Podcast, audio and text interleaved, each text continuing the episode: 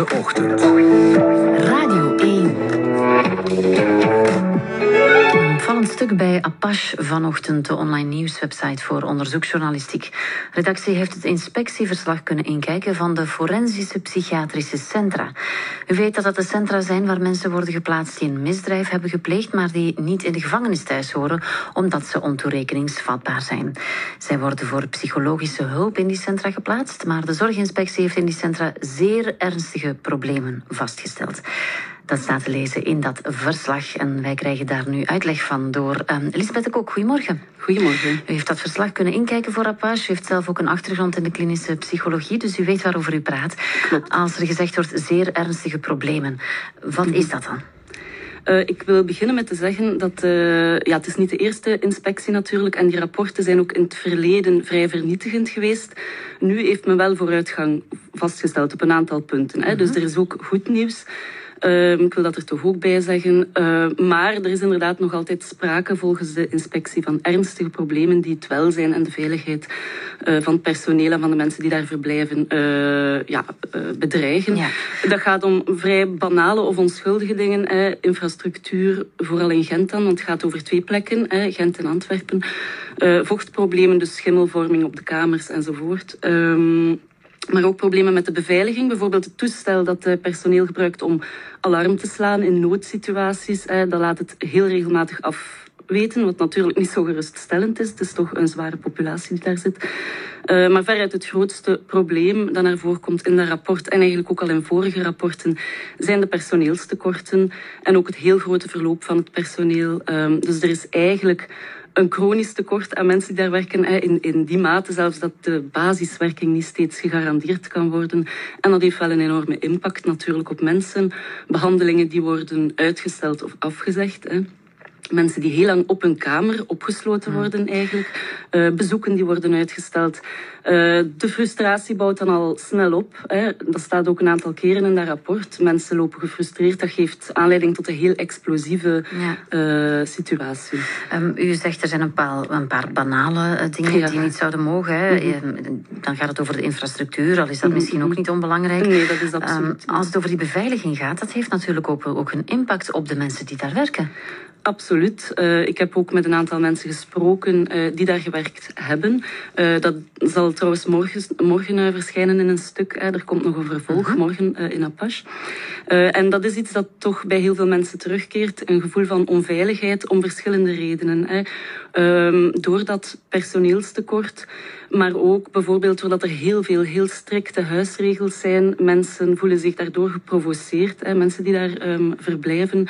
Uh, en er is eigenlijk dus te weinig uh, personeel om dat allemaal op te vangen. Dan zijn er die alarmsystemen die uh, te wensen overlaten, maar ook bijvoorbeeld die automatische deuren daar laten het regelmatig afwegen, uh, afweten. Ja. Dus mensen, personeel voelt zich uh, onveilig. En ik hoor van veel mensen die daar gewerkt hebben, dat er een, een, een, ja, een vrij explosieve sfeer heerst. Hè? Dat mensen een beetje op de toppen van hun tenen uh, lopen om allerlei, allerlei redenen. Um, en dat is niet eigen aan de job, want het is geen vanzelfsprekende job natuurlijk. Het is en het absoluut is, geen vanzel, vanzelfsprekende De bewoners, zullen we ze maar noemen, hebben een zware problematiek. Dus dat absoluut, is al ja. sowieso een moeilijke situatie. Maar um, al die andere dingen die je opnoemt, die dragen daar natuurlijk niet aan bij. Hè? Nee, absoluut. Uh, het, is, uh, het is geen gemakkelijk ja. publiek. Uh, maar we zitten ook, en dat is ook iets dat op het einde van het rapport ter sprake komt. En dat is trouwens, het is het vierde rapport. Het is eigenlijk geknipt en geplakt vanuit het eerste rapport. Hè. Ook een, een bezwaar dat eigenlijk niet naar het FPC gericht is, maar naar de overheid. Is ook het feit dat bijvoorbeeld die mensen, het gaat om een zware populatie, maar dat geeft instellingen natuurlijk niet het recht om daar te doen wat ze willen. Wij zitten daar met een leemte in de wetgeving, dus dat staat ook in dat rapport als uh, ja, een verbeterpunt, om het uh, zacht te zeggen. De rechten en plichten van mensen die daar verblijven zijn niet geregeld. Dus de wet zegt, je moet daar naartoe, hè, maar zegt niets over wat kan en mag daar allemaal. Hè. En Wanneer... gaat het bijvoorbeeld over vrijheidsbeperking? Want ja, vrijheidsbeperking vrijheid wordt sowieso ja. uh, beperkt, lijkt mij. Hè. Je zit daar en je kan daar niet buiten. Ja, voilà. Ja. Dus dat is, dat is het enige dat bij wet geregeld is okay. eigenlijk, hè, dat je daar moet zitten. Maar bijvoorbeeld, wanneer kun je in die isoleercel uh, vliegen? Wanneer kan men u opsluiten in uw kamer? Wanneer kan men bezoek ontzeggen? Uh, enzovoort. Hè. Dat zijn allemaal zaken die regelmatig gebeuren in binnen FPC, maar evengoed in andere instellingen. Hè. Dus ik wil heel duidelijk zijn, dat is een probleem van heel de geestelijke gezondheidszorg. Mm wij hebben daar dus geen wettelijk kader rond, waardoor patiënten, want toch zeker in een FPC, wat een zwaar publiek is, die in een heel ja, restrictieve context terechtkomt, um, ja, daar is uh, niets geregeld. Dus die mensen zijn eigenlijk overgeleverd aan wat die instelling zelf aan huisregels uh, uitvindt. En die zijn soms heel strikt. Hè. Dat gaat over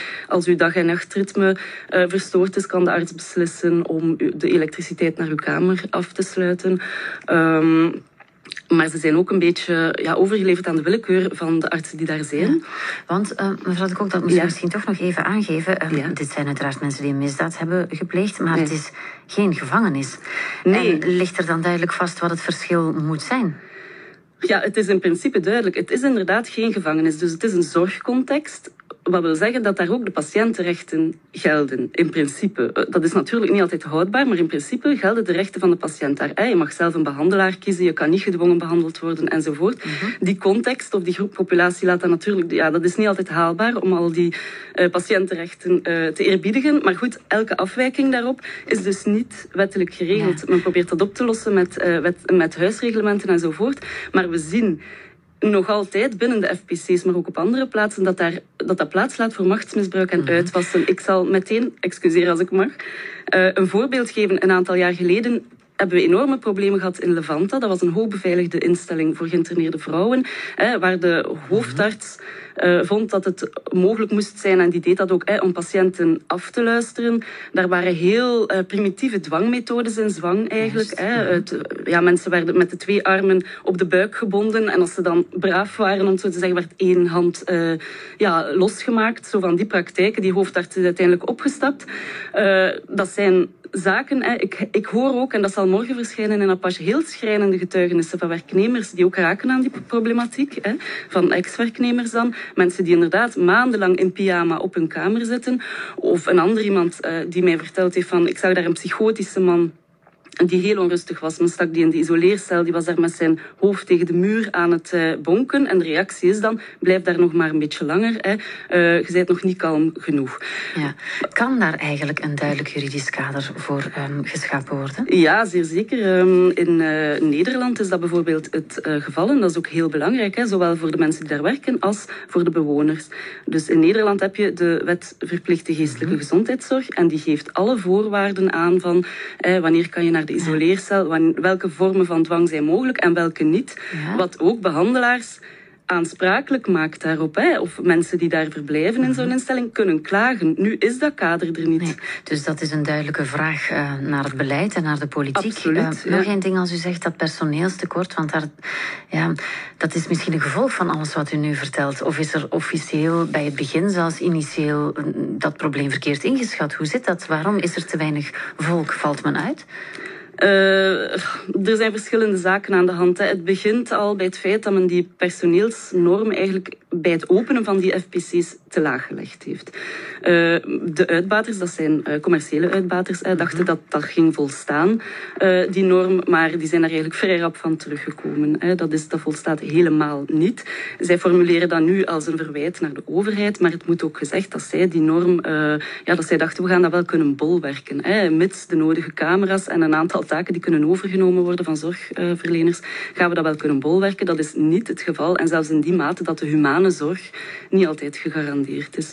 Uh, een tweede zaak is, ik zeg van dat wettelijk kader rond dwang en vrijheidsberoving, die interne rechtspositie, zo heet dat eigenlijk, is niet geregeld. En dat haakt natuurlijk ook samen met dat personeelstekort, hè, waardoor dat je in een situatie komt waarbij mensen eigenlijk heel veel alleen op hun kamer zitten, waarbij dat ze binnen die instelling door het personeelstekort, door het gebrek aan wettelijk kader of duidelijke wettelijke afspraken daar rond, eigenlijk disproportioneel beperkt worden in hun vrijheid. Ik zeg disproportioneel, maar er is eigenlijk geen referentiepunt mhm. en dat is net het probleem. We hebben, daar dik, uh, we hebben daar dringend een kader rond nodig en dat bestaat dus in Nederland wel.